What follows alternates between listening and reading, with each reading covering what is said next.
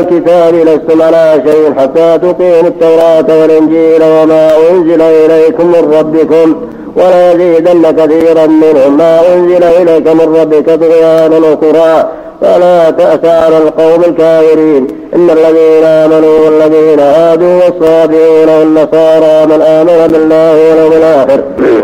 من آمن بالله واليوم الآخر وعمل صالحا ولا خوف عليهم ولا هم يحزنون. يقول تعالى قل يا محمد يا الكتاب لستم على شيء.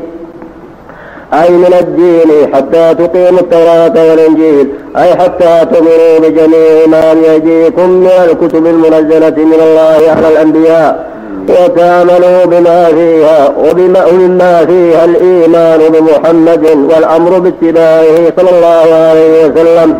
والإيمان بمبعثه والاقتداء بشريعته. ولهذا ولهذا قال ليث بن أبي سليم عن مجاهد في قوله وما أنزل إليكم من ربكم يعني القرآن العظيم وقوله ويزيدن كثيرا منهم وهذا الخطاب. وإن كان موجها إلى أهل الكتاب فهو أيضا موجه لنا في المعنى. كما قال بعض السلف نرى القوم ولم يعنى به سواكم فهم ليسوا على شيء. حتى يؤمنوا بالله وما أنزل إليه يتبعون الله ما أنزله على رسله وهكذا أمة محمد صلى الله عليه وسلم ليست على شيء. حتى تؤمن بما أنزل إليها وحتى تستقيم على الشرع الذي جاء به نبيها. ولهذا قال سبحانه قل يا أهل الكتاب اليهود والنصارى لستم على شيء. من الدين. حتى تقيموا التوراة والإنجيل؟ وما أنزل من ربكم. حتى تعملوا بهما وتعملوا بما أنزل بعدهما وهو القرآن. وإلا فلستم على شيء. فمعنى أنهم لو أقاموا كل شيء وعادوا كل شيء ولم يؤمنوا بما أنزل على محمد عليه الصلاة والسلام لم ينفعهم ذلك. فلا بد من الإيمان بكل ما أنزل الله على رسله والتصديق بذلك والانقياد بذلك كما جاءت به الرسل عليهم الصلاة والسلام. ومن كذب واحدا منهم فقد كذب الجميع. ولهذا جل وعلا يقول كذبت قوم نوح المرسلين. هم كذبوا نوحا فقط. لكن لما كان تكذيب الواحد من الرسل تكذيبا للجميع قد كذبت قوم نوح المرسلين وهكذا في عاد وهكذا في هود المقصود أن الواجب على اليهود والنصارى كالواجب على غيرهم من جميع الأمم.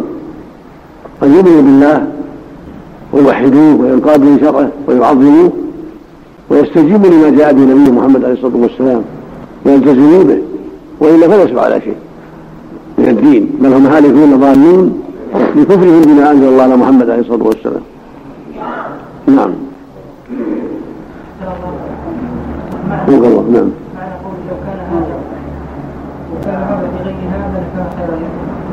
هذا إن صح يعني لو كان العمل في غير شباع البطن وكبار البطن.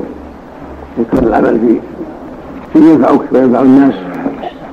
ينبغي لك يكون الأكل فيما ينفع وعلى قدر الحاجة.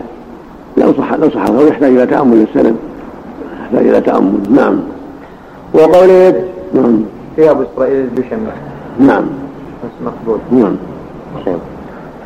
وقوله تعالى ولا يزيدن كثيرا منهم ما أنزل إليك من ربك طغيانا وكفرا تقدم تقدم تفسيره. فلا تأس على القوم الكافرين. أي فلا تحزن عليهم ولا يهيبنك ذلك منهم. يهيبنك. ولا يهيبنك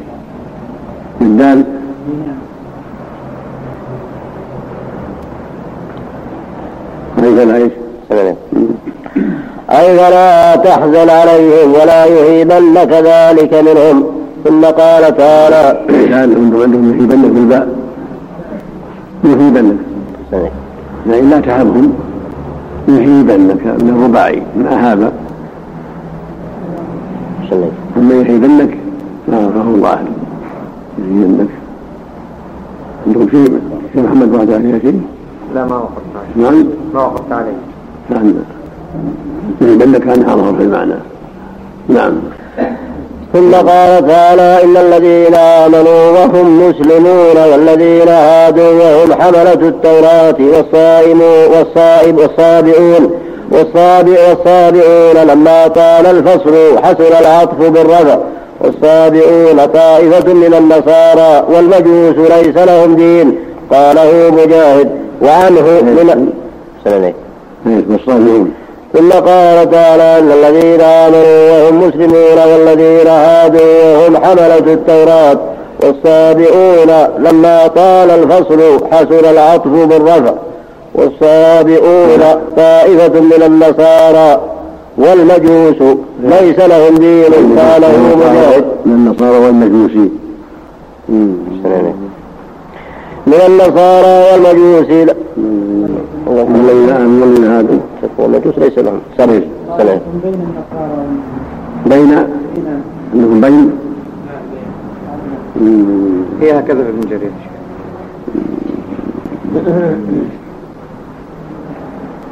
وانت عندك سم ولا عندك من النصارى والمجوس؟ الصابئون طائفة من النصارى. والمجوس. والمجوس يعني مخلوطين يعني مخلوطون يصلح بين بين النصارى يعني يعني بجامع بين هذا وهذا. هذا قول فيهم.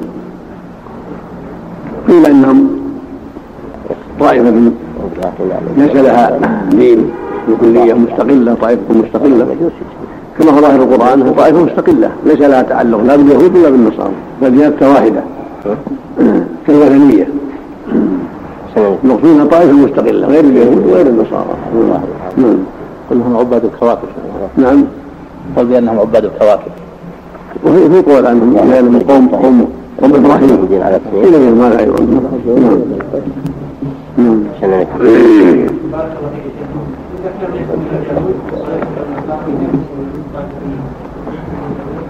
القول والمؤلف ليس بجيد يعني. ليس بجيد هم طائفة من النصارى من النصارى والمجوس القول الثاني أظهر طائفة مستقلة. ليس من النصارى ولا من المجوس غير النصارى ولا من المجوس غير ما قال ابن كثير يعني. نعم. نعم. نعم. لهذا في الحج إن الذين آمنوا والذين هادوا والصابئين والنصارى والمجوس حتى هم طوائف في سورة الحج. إن الذين آمنوا والذين هادوا والصابئين والنصارى والمجوس والذين أشركوا. إن الله يفصل بينهم. فعدها مع الطوائف. عندهم مع الطوائف نعم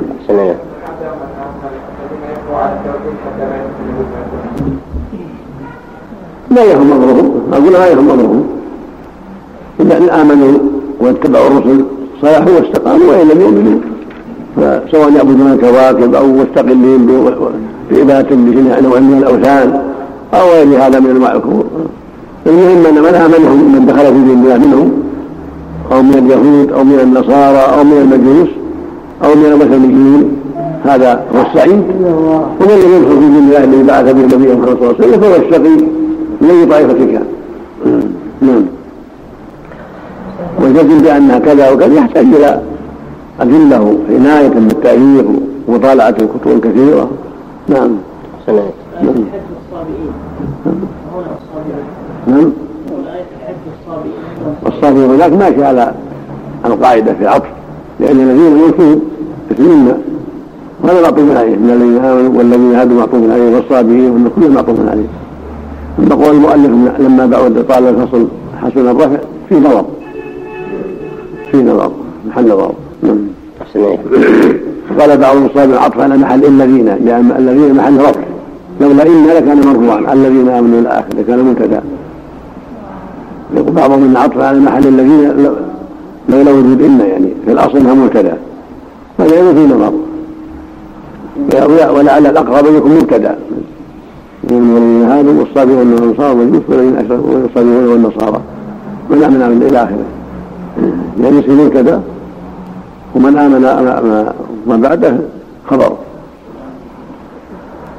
وفيه بعض لأنه أيضا يستلزم إهمال إن الذين آمنوا ما, ما لها خبر إن في إن أصل الله في الجملة الثانية. خبر اسمه خبر خبر الجملة الأولى. نعم. ما يكون الجملة الثانية في خبر الأولى؟ الصابرون. اسمه خبر وخبر الأولى. خبر الذين آمنوا. لكن بس الصابرون تقدمت عليها. الذين آمنوا يحتمل ومثلهم الصابرون النصارى من آمن. مثلهم الصابرون. أو وكذا الصابرون والنصارى. يحتمل هناك خبر محذوف قبل الصابرون. جاء بعدها من خبر أنا الذين نعم. سمع المفهوم المعول على القراءة أما الأغراض شيء ثاني نعم. جاء هكذا بالغة نعم. نعم. والصابئون طائفة من النصارى والمجوس ليس لهم دين قاله مجاهد. وعنه من اليهود والمجوس وقال سعيد بن جبير من اليهود والنصارى. وعن الحسن والحكم إنهم كالمجوس. وقال قتادة هم قوم يعبدون الملائكة ويصلون إلى غير القبلة ويقوون ويقرؤون الزبور. وقال وهب بن منبه هم قوم يعرفون الله وحده وليست لهم شريعة يعملون بها ولم يحدثوا كفرا. وقال ابن وهب أخبرني ابن أبي أخبرني وقال وهب بن منبه هم قوم يعرفون الله وحده وليست لهم شريعة يعملون بها ولم يحدثوا كفرا. وقال ابن وهب أخبرني ابن أبي الزناد عن أبيه. قال الصابئون هم قوم يلي العراق ولا يهم بكوثا. وهم يؤمنون بالنبيين كلهم ويصومون كل سنة ثلاثين يوما ويصلون إلى اليمن كل يوم.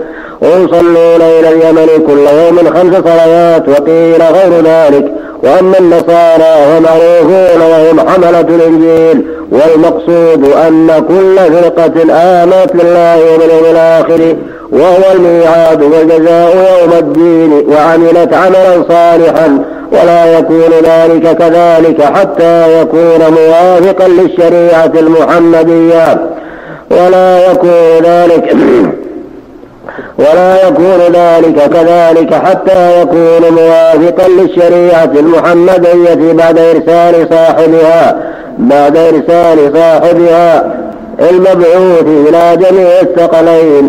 فمن اتصى بذلك ولا خوف عليهم. وذلك لأنه لا يكون عمل صالح إلا إذا وافق الشريعة مع إخلاصه لله. ثم قال وعمل صالحا إنه عمل موافقا للشريعة. التي تجب عليه ويلزمه الأخذ بها. وبعد محمد صلى الله عليه وسلم الشريعة هي شريعة محمد صلى الله عليه وسلم. وقبلها شريعه النبي الذي ارسل إليه لقومه. فإذا فعل هذا فهو النادي السعيد.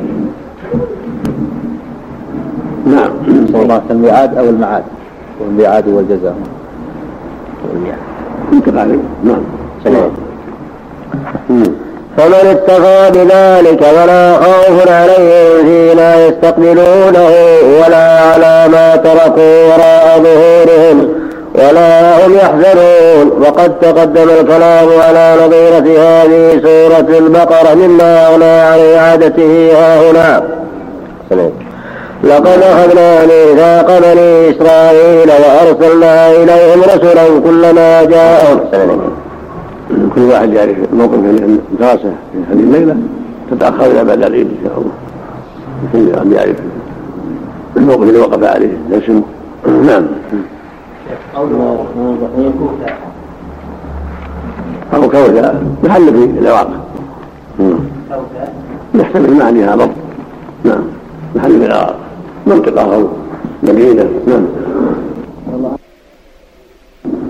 بسم الله الرحمن الرحيم الحمد لله رب العالمين والصلاة والسلام على أشرف المرسلين نبينا محمد وعلى آله وصحبه أجمعين قال الإمام ابن كثير رحمه الله تعالى في تفسير قوله تعالى لقد أخذنا ميثاق بني إسرائيل وأرسلنا إليهم رسلا كلما جاءهم رسول بما لا تهوى أنفسهم بما لا, بما لا تهوى أنفسهم. فريقا كذبوا وفريقا يقتلون.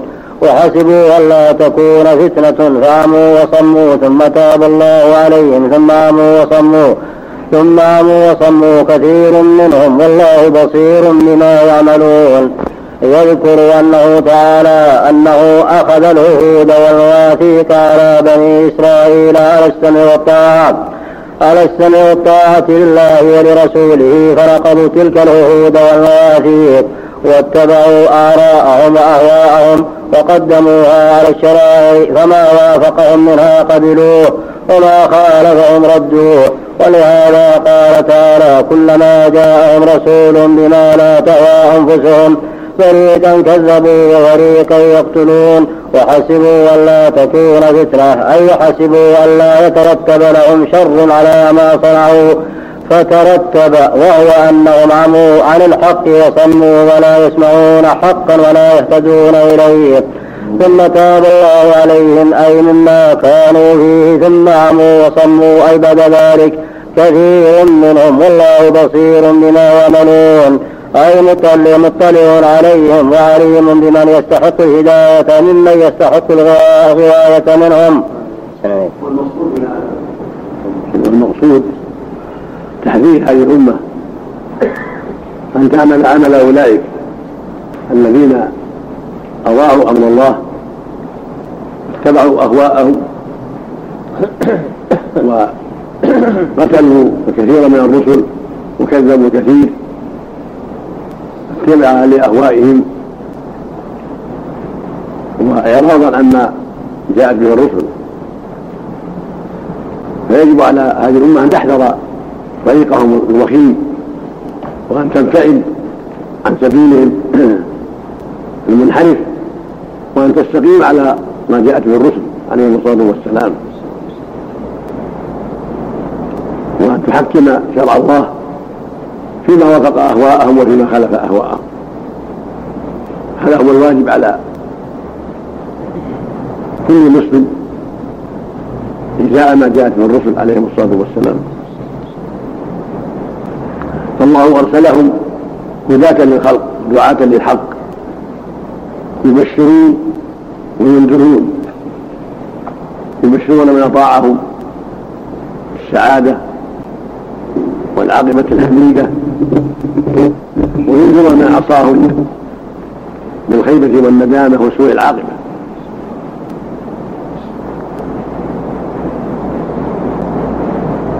ولما وقع من وقع في هذا من هذه الأمة أصابهم ما أصابهم من قسوة القلوب واتباع الهوى وترك الحق حتى سلط الله عليهم أعداءهم. مسامهم سوء العذاب. وللظالمين أمثالها الواجب اتباع الهدى والوقوف عند الحدود التي حدها الله ورسوله والحذر مما يخالف ذلك. وإن نازعتك نفسك وهواك في خلاف ذلك. فالواجب جهاد النفس جهاد الهوى ولزوم الحق الوقوف عنده. والحذر مما خالف. والله يقول جل وعلا فإن لم يستجيبوا لك فاعلم أنما يتبعون أهواءهم. ومن أضل ممن اتبع هواه بغير هدى من الله. وقد فاستقم كما أمرت قال إن الذين قالوا ربنا الله ثم استقاموا. فلا بد من الاستقامة والثبات على الحق. نعم. لقد كفر الذين قالوا إن الله هو المسيح ابن مريم وقال المسيح يا بني إسرائيل اعبدوا الله ربي وربكم اعبدوا الله ربي وربكم إنه من يشرك بالله فقد حرم الله عليه الجنة ومأواه النار وما للظالمين من أنصار. لقد كفر الذين قالوا إن الله ثالث ثلاثة وما من إله إلا إله واحد.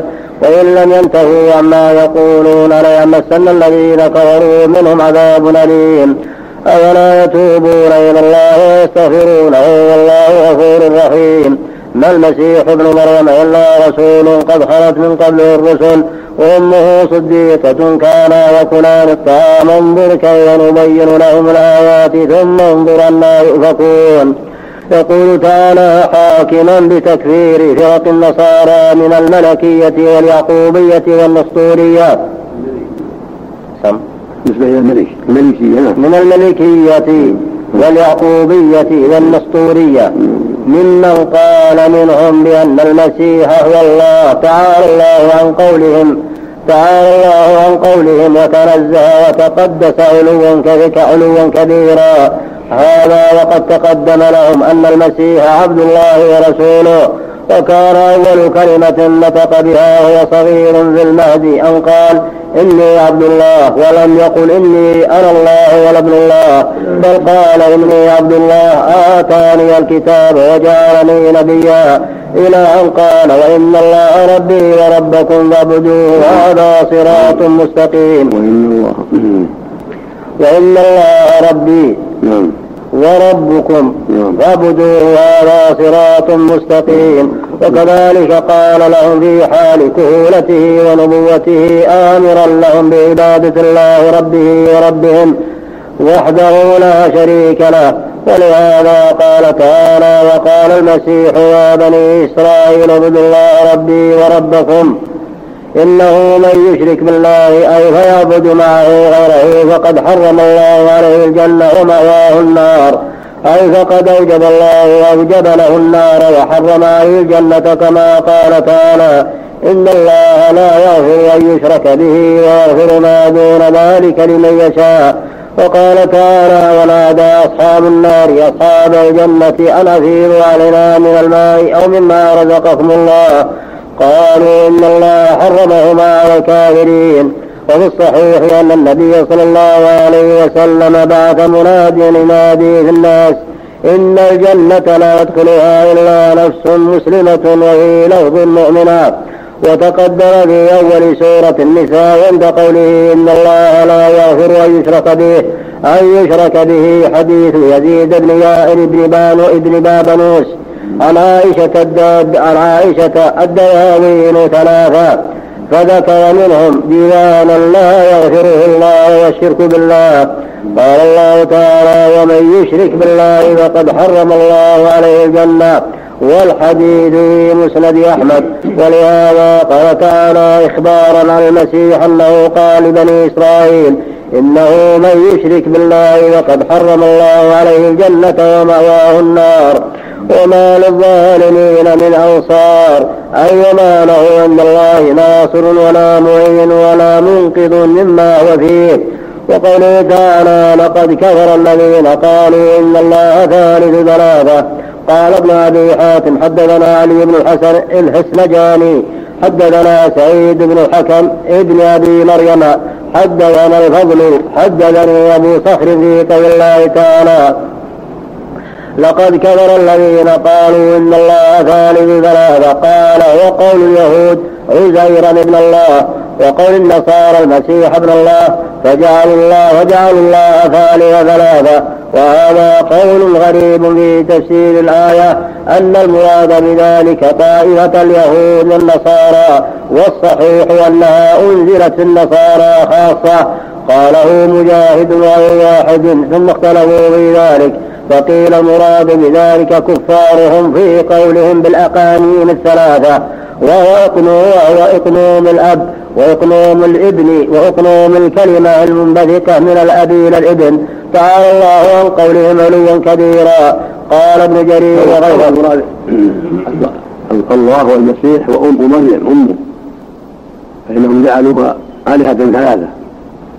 الله والمسيح ومريم هؤلاء ثلاثة. والقول الثاني الله والمسيح وركن الكلمة كن. كل هذا كلام باطل لا يعقل. لمن هدى الله قلبه وفتح بصيرته. فالله جل وعلا هو خالق الجميع وإله الجميع. ومريم وابنها كلاهما مخلوق مربوب فكيف يكون شريكا لله وثالث ثلاثة ولا حول ولا قوة إلا لولا على البصائر وانطلاس العقول. نعم نسال الله. العافيه نعم. وهنا تعديل عن عن الآلهة؟ الثلاثه الآلهة الثلاثة. نعم. نعم.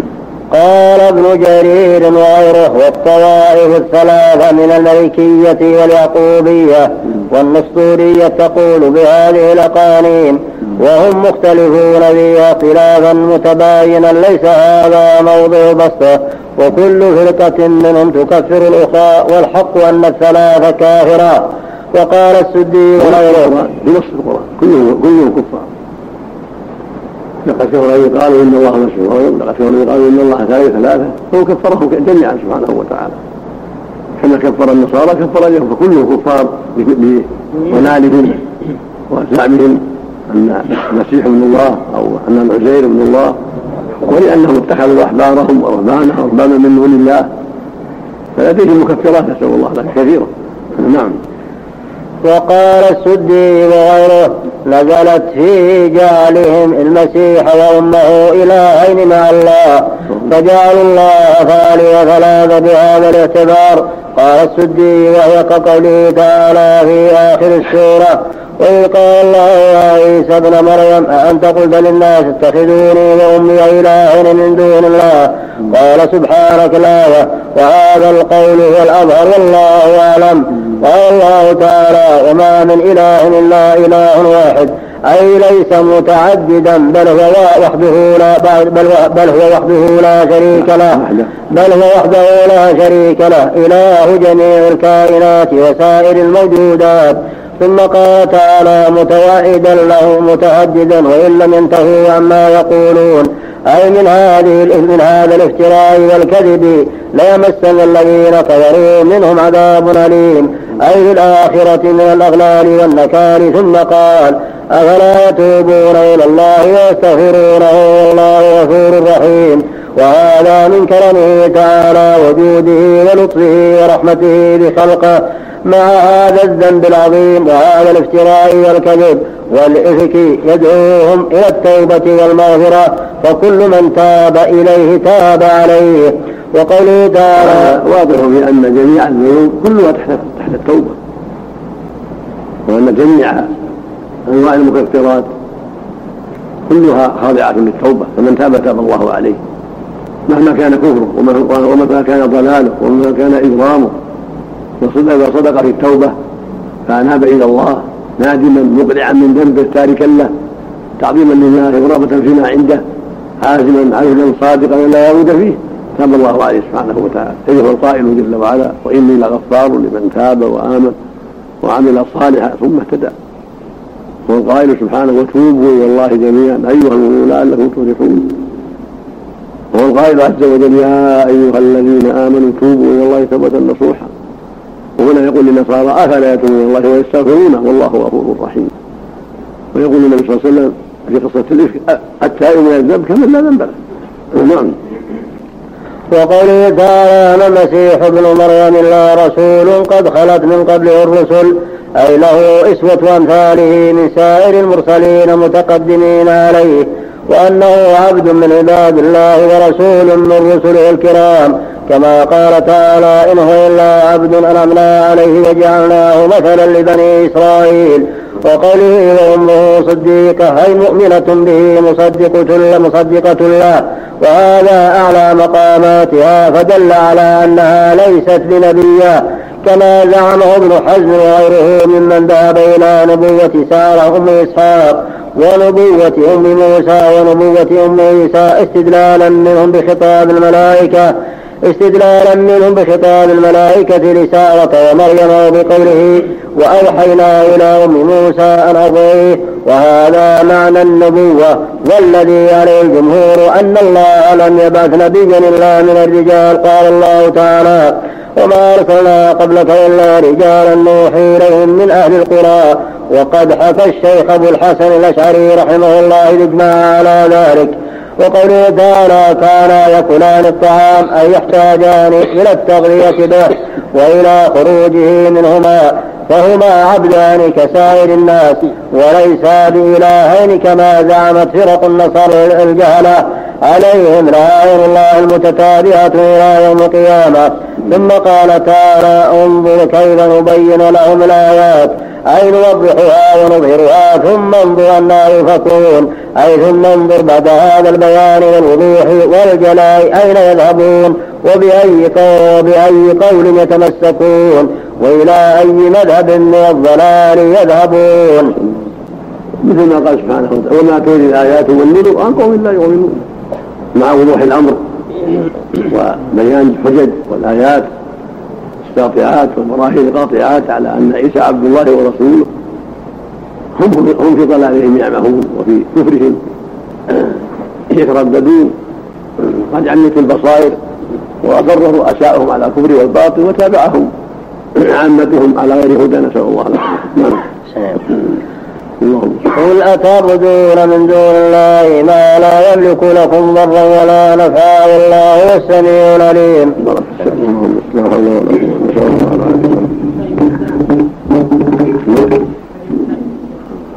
نعم.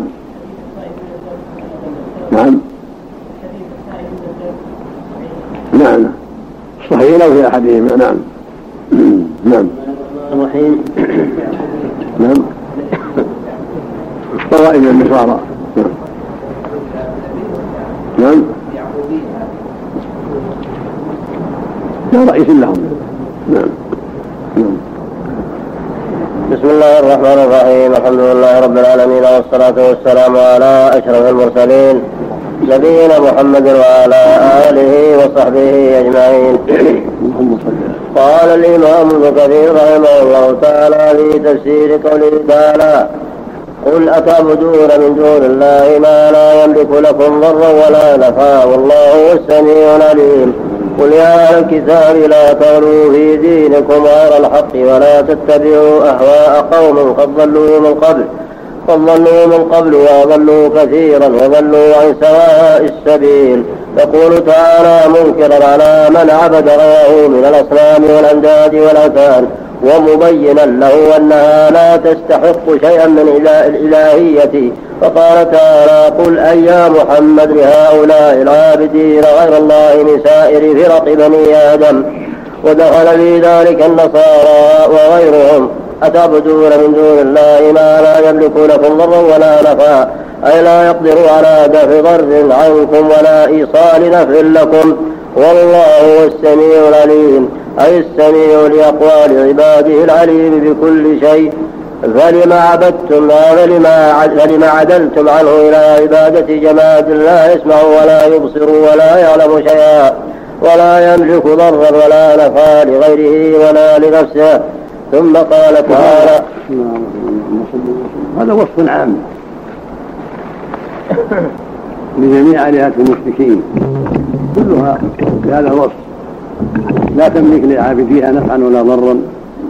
ولا موتا ولا حياة ولا نشورا. ولهذا قال سبحانه ولا تعبدون من دون الله ما لا يملك لكم ضرا ولا نفعا والله هو السميع العليم. فالأصنام والأموات والملائكة والأنبياء والكواكب وغير ذلك كلها لا تملك لعابديها نفعا ولا ضرا وقال سبحانه ويعبدون من دون الله ما لا يضرهم ولا ينفعهم. ويقولون هؤلاء شفعاؤنا عند الله. قال إبراهيم لأبيه يا أبتي لم تعبدوا ما لا يسمع ولا يبصر ولا يغني عنك شيئا؟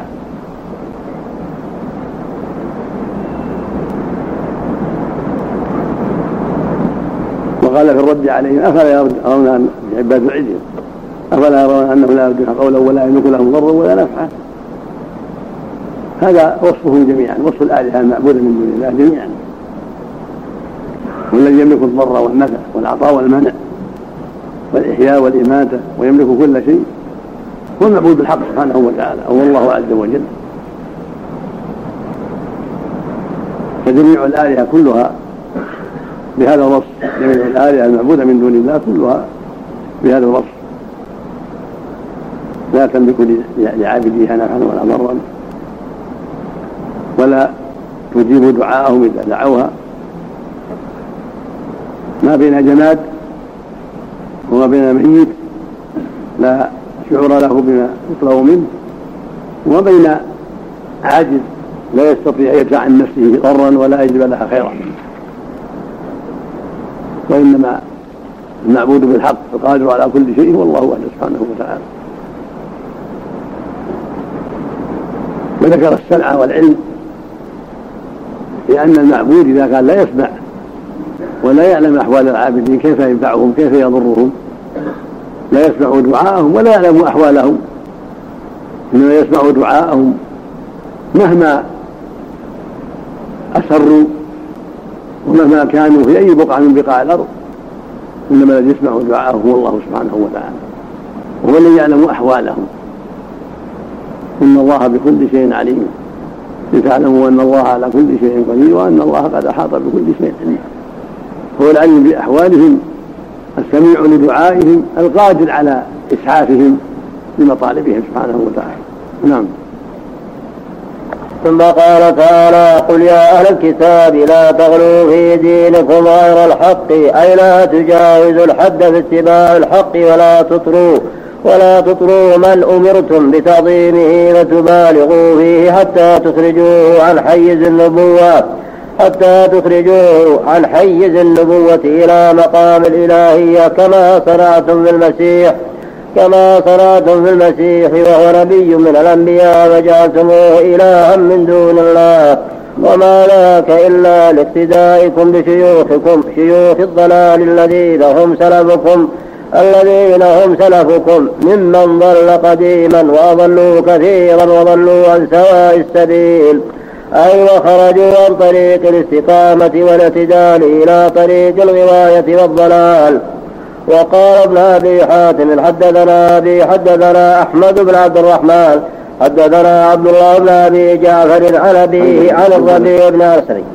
وقال ابن أبي حاتم حدثنا أبي حدثنا أحمد بن عبد الرحمن حدثنا عبد الله بن أبي جعفر عن نعم. حدثنا عبد الله بن أبي جعفر. التصريف عبيد الله. سم من عندكم؟ مكبر. نعم. مكبر. لا عبيد الله. راجعت. كلكم عندكم؟ نعم.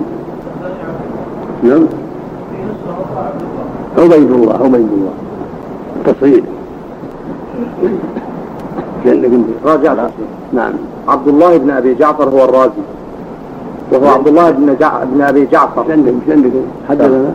عبد الله هذا حد عبد حدثنا عبد الله ابن أبي جعفر عن أبيه. نعم. عن الربيع بن أنس. عن أبيه. إيه، هذا غير. هذا غير. عبد الله هذا غير. نعم. وقال ابن أبي حاتم حدثنا عبد ابي الله بن جعفر المصري يروي عن الصحابة. نعم. عن هذا متأخر. نعم. نعم.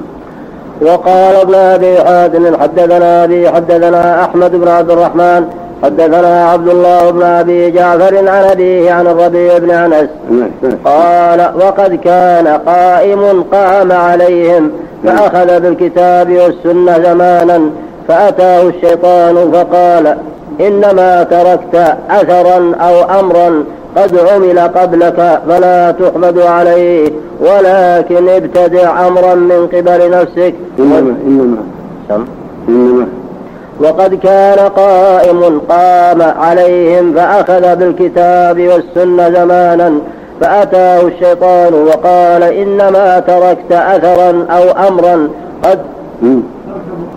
إنما إنما تركت أثرا أو يعني ترك تركت إنما تركبوا إيش بعده؟ إنما تركت أثرا أو أمرا قد عمل قبلك ولا تحمد عليه. تركبوا تركبوا يعني ما تفعل. إيش عندك أنت؟ لا تبي تفعل. هذا المراد يعني الشيء اللي فعلته وركبته أنت مسبوق إليه. فلا تحمد عليه ولكن ائت بشيء جديد مبتدع. هو داخل في قوله تعالى ونتبع قوم قد ضلوا من قبل وأضلوا كثيرا. وضلوا عن سواء السبيل نسأل الله العافية. تركبوا. أحسن إليك. نعم. هي يعني اللي انت عليه شيء معمول قبلك هذا شيء جديد. نعم. ترك أثرا ترك- تركبوا. سم. نعم. فأبداه الشيطان وقال إنما تركبوا نعم. أو ترتكبوا تركبوا أحسن نعم. تركب أثرا أو أمرا قد عمل قبلك ولا تحمد عليه. نعم. ولكن ابتدع أمرا من قبل نفسك وادع إليه وأخبر الناس وأج وأجبر الناس عليه. ففعل ثم أذكر بعد فعله زمانا. فأراد أن يتوب ثم منه أذكر بالألف إي نعم. عندكم ألف؟ أذكر. لعل ثم ذكر أو ذكر. لعل الألف لعلها زائدة لا، ذكر أو ذكر اسم بدون ألف يعني. الله بالذكر ثم الذكر بالذات ذكر نعم. ثم الذكر طيب. نعم. ثم الذكر طيب. ثم ادكر. ثم ادكر بعد فعله زمانا فأراد أن يتوب منه فخلع سلطانه وملكه وأراد أن يتعبد فلبث في عبادته أياما فأتي فقيل له لو أنك تبت من خطيئة عملتها فيما بينك وبين ربك عسى أن يتاب عليك ولكن ضل فلان وفلان وفلان في سبيلك. حتى فارقوا الدنيا وهم على الضلالة. فكيف لك بهداهم؟ فلا توبة لك أبدا. ففيه سمعنا وفي أشباهه هذه الآية يا أهل الكتاب لا تغلوا في دينكم غير الحق ولا تتبعوا أهواء قوم قد ضلوا من قبل قد ضلوا من قبل وأضلوا كثيرا وضلوا عن سواء السبيل. وهؤلاء الذين جاءوه أرادوا أن يقنطوه قد أساءوا ولو ولو قد ضل به أناس. يتوب إلى الله والتوبة تجب ما قبلها. والله يرضيهم عنه. يوم القيامة إذا تاب ورجع إلى الله سبحانه وتعالى. فهو سبحانه وتعالى الرؤوف الرحيم حكيم عليم. نعم. لعن الذين كفروا من بني إسرائيل على لسان داود وعيسى بن مريم ذلك بما عصوا وكانوا يعتدون كانوا لا يتناهون عن منكر فعلوه لبئس ما كانوا يفعلون. ترى كثيرا منهم يتولون الذين كفروا لبئس ما قدمت لهم أنفسهم. أن سخط الله عليهم أو سخط الله عليهم وفي العذاب هم خالدون. ولو كانوا يؤمنون بالله والنبي وما أنزل إليه ما اتخذوهم أولياء ولكن, ولكن كثيرا منهم فاسقون.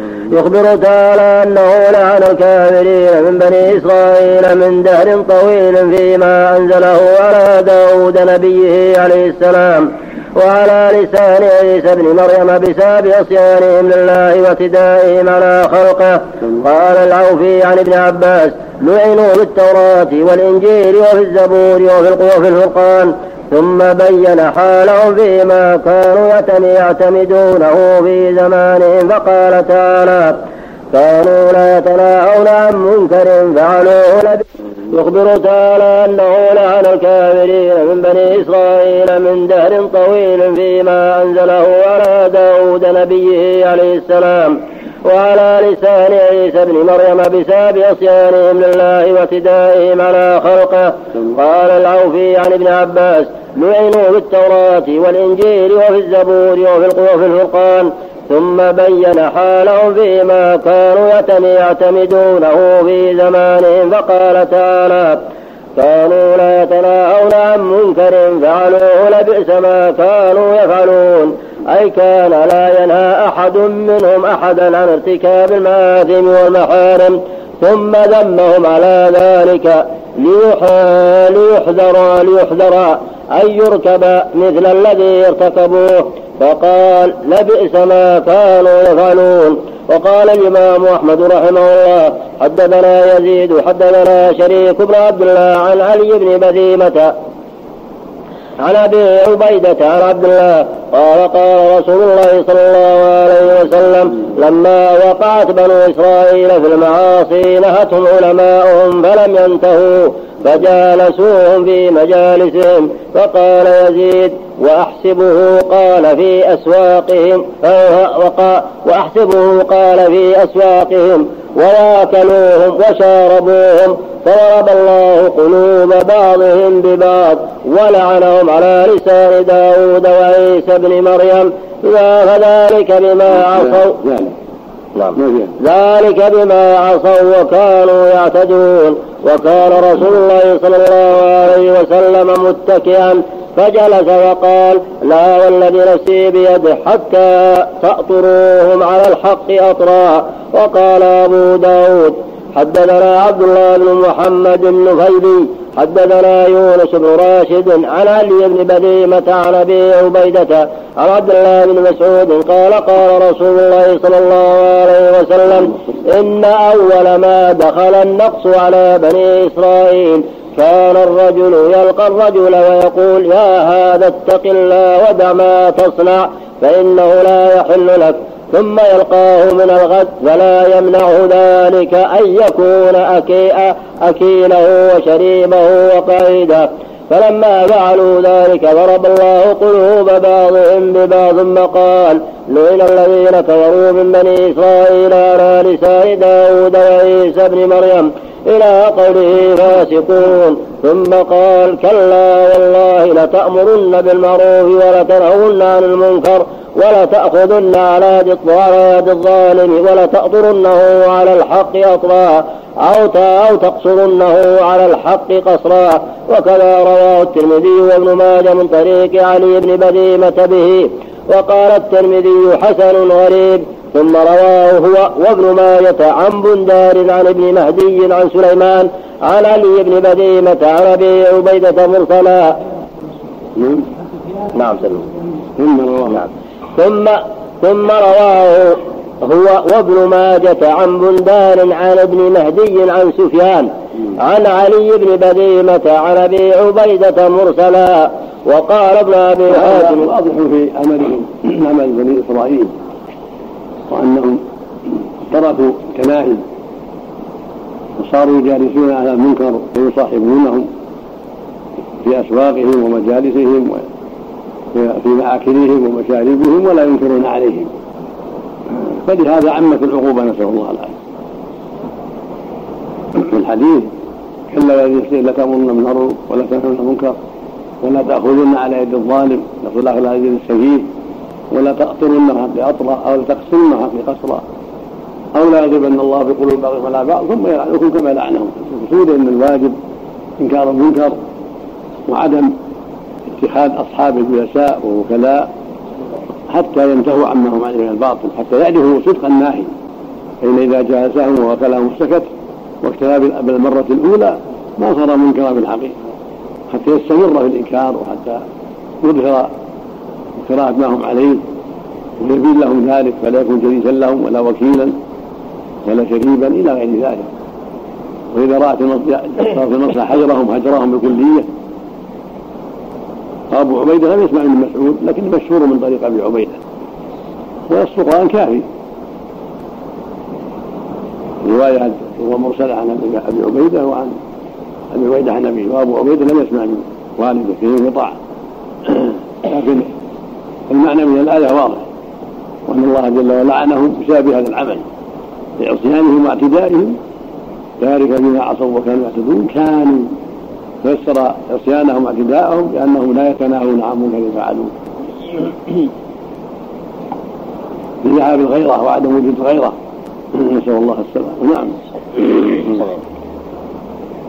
وقال ابن أبي حاتم حدثنا أبو سعيد الاشد وهارون بن إسحاق الهمداني قال حدثنا عبد الرحمن بن محمد المحاربي عن علاء بن المسيب عن عبد الله بن عمرو بن مرة عن سالم بن الأختص عن أبي عبيدة عن عبد الله بن مسعود قال قال رسول الله صلى الله عليه وسلم إن الرجل من بني إسرائيل كان إذا رأى أخاه على الذنب نهاه عنه تعذيرا فإذا كان من الغد لم يمنعه ما رأى منه أن يكون أكيله وخليطه وشريكه. وفي حديث هارون وشريبه ثم اتفقا في المتن فلما رأى الله ذلك منهم ضرب ضرب قلوب بعضهم على بعض ولعنهم على لسان نبيهم داود وعيسى بن مريم ذلك بما عصوا وكانوا يعتدون.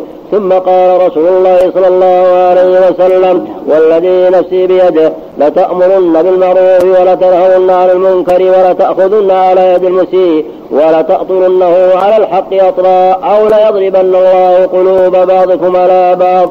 أو ليلعنن أو ليلعنكم كما لعنهم والسياق لأبي سعيد. وكذا قال في رواية هذا الحديث وقد رواه أبو داود أيضا عن خلف بن هشام عن أبي شهاب الخياط. عن على بن المسيب عن عمرو عن عمرو بن مرة عن سالم وهو عجلان الأفطس عن أبي عبيدة بن عبد الله بن مسعود عن أبيه عن النبي صلى الله عليه وسلم بنحوه. ثم قال أبو داود. أبو شهاب مصحف اسمه. نعم. أبو شهاب الخياط اسمه مصحف. عندك عندك عندك الاسم إيه. نعم. أبو شهاب الحناط. بمهملة ثم نون. وش عندهم؟ عندكم أبو شهاب. أنا أبو شهاب. خياط. بالخاء. إيه لا. عندك الحناط. لا بالمراجعة هو مصحف في النسخة. نعم. مصحف في النسخة. راجعته إي نعم. نعم. هو أبو شهاب الحناط واسمه عبد ربه بن نافع الكناني الحناط بمهملة ونون. نزيل المدائن وهو أبو شهاب الأصغر صدوق يهم من الثامنة. مات سنة 71 وسبعين. طيب نعم. صلى الله على وهو في عند أبي داوود في الملاحم. حناط. حناط نعم. نعم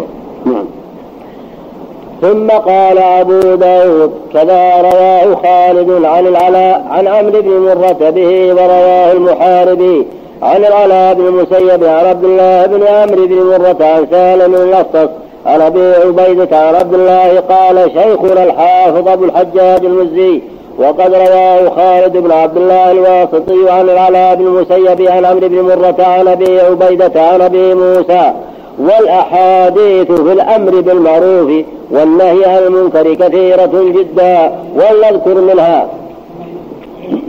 نعم. نعم.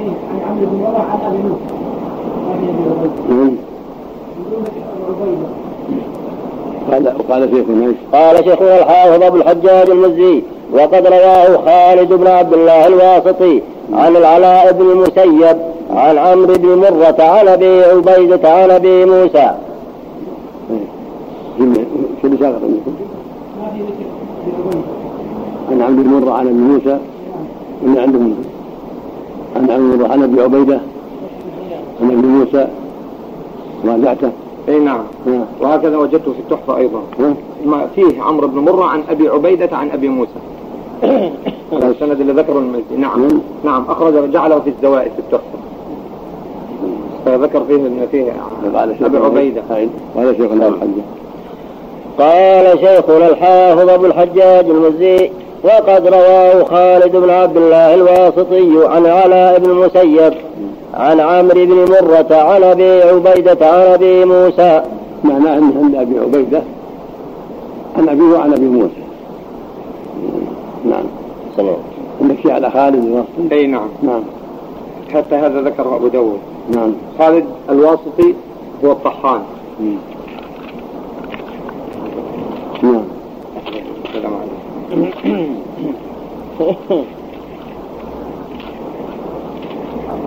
غيره اي موجود بس. تكلم عليه؟ اي نعم. مم. هو ثقة على كل حال. مم. لكن بدور عليه الحين نعم. ثقة. هذا هو. نعم. خالد بن عبد الله الواسطي وخالد بن عبد الله بن عبد الرحمن بن يزيد الطحان الواسطي المزني مولاهم ثقة ثبت من الثامنة مات سنة 82 وكان مولده سنة 10 و100 أخرج له الجماعة. ذكر الله عدة طرق في الصحيح إيه. هذا من رواه. حديث من رواه. ما هكذا عزاه المؤلف ذكره في زوائد التحفة ذكر ذكر له من نسبه له. بعد ما خرجته في أبو داود والترمذي وابن ماجه قال في التحفة رواه أبو زبيد عبصر بن القاسم عن العلاء بن المسيب كما قال أبو شهاب ورواه المحاربي عن العلاء بن المسيب عن عبد الله بن عمرو بن مرة عن سالم الأفطس وكذلك رواه عيسى بن يونس عن عبيد الله بن أبي زياد عن سالم وخالفهم خالد بن عبد الله الواسطي فرواه عن العلاء بن المسيب عن عمرو بن مرة عن أبي عبيدة عن أبي موسى. ولا عزاه لا ما ما عدا الله ولا حديث. نعم.